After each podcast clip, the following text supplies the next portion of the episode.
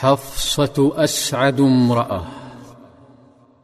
اعتذر عثمان رضي الله عنه عن الزواج من حفصة لأن جرح حبيبته رقية لم يندمل. تذكره بها جدران بيته ويشتاقها كلما كحل عينيه بطيف والدها صلى الله عليه وسلم. لكن عيني أبي القاسم لا تخطئان مشاعر عثمان.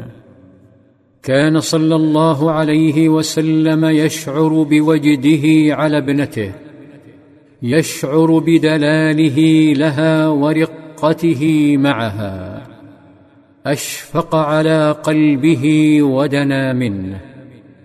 خاطبه وخطبه لابنته وفلذه كبده أم كلثوم. فإذا جراح عثمان تشفى بعودة النسب بينه وبين نبيه أشرقت عليه أم كلثوم. فمن أسعد منه؟ زفتها زينب وفاطمة. أما عمر فظل حزنه ثقيلا وعتابه أثقل على صاحبه أبي بكر وصمته الغريب. لم يدر أن الصديق يكتم سرا لا يقوى على البوح به وتمر الليالي حزينة فإذا السعادة تشرق على حفصة. وإذا النبي صلى الله عليه وسلم يتقدم يخطبها فلم تسع الدنيا سعادة أبيها ولم تجد حفصة قلبا يتسع لكل هذا الفرح زفت حفصة إلى زوجها وسكنت أحد بيوته المتواضعة التي لا يطبخ فيها أحيانا إلا مرة كل شهرين. وابتهجت المدينة بذلك الزفاف وتقاطر المهنئون وكان من بينهم أبو بكر الذي اقترب من أخيه عمر فنظر إليه نظرات اعتذار.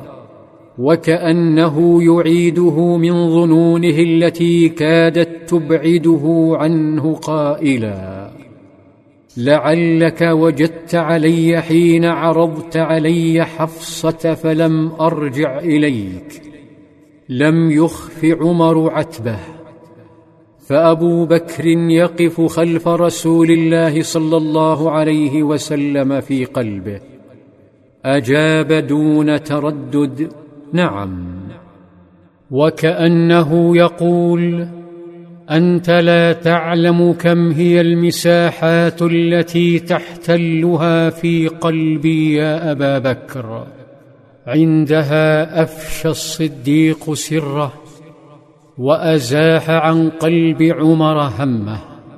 قال إنه لم يمنعني أن أرجع إليك فيما عرضت إلا أني قد علمت أن رسول الله قد ذكرها فلم أكن لأفشي سر رسول الله ولو تركها لقبلتها. عاد الشيخان أكثر حبا لبعضهما من ذي قبل. ذات يوم أقبل هذان الكهلان نحو مجلس نبيهما صلى الله عليه وسلم. وكان علي بن أبي طالب جالسا. فالتفت صلى الله عليه وسلم إلى علي وقال له كلمات من نعيم.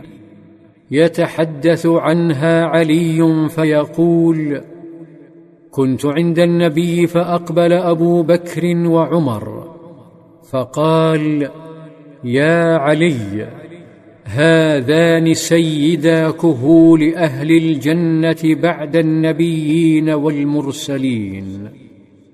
يا لها من بشرى.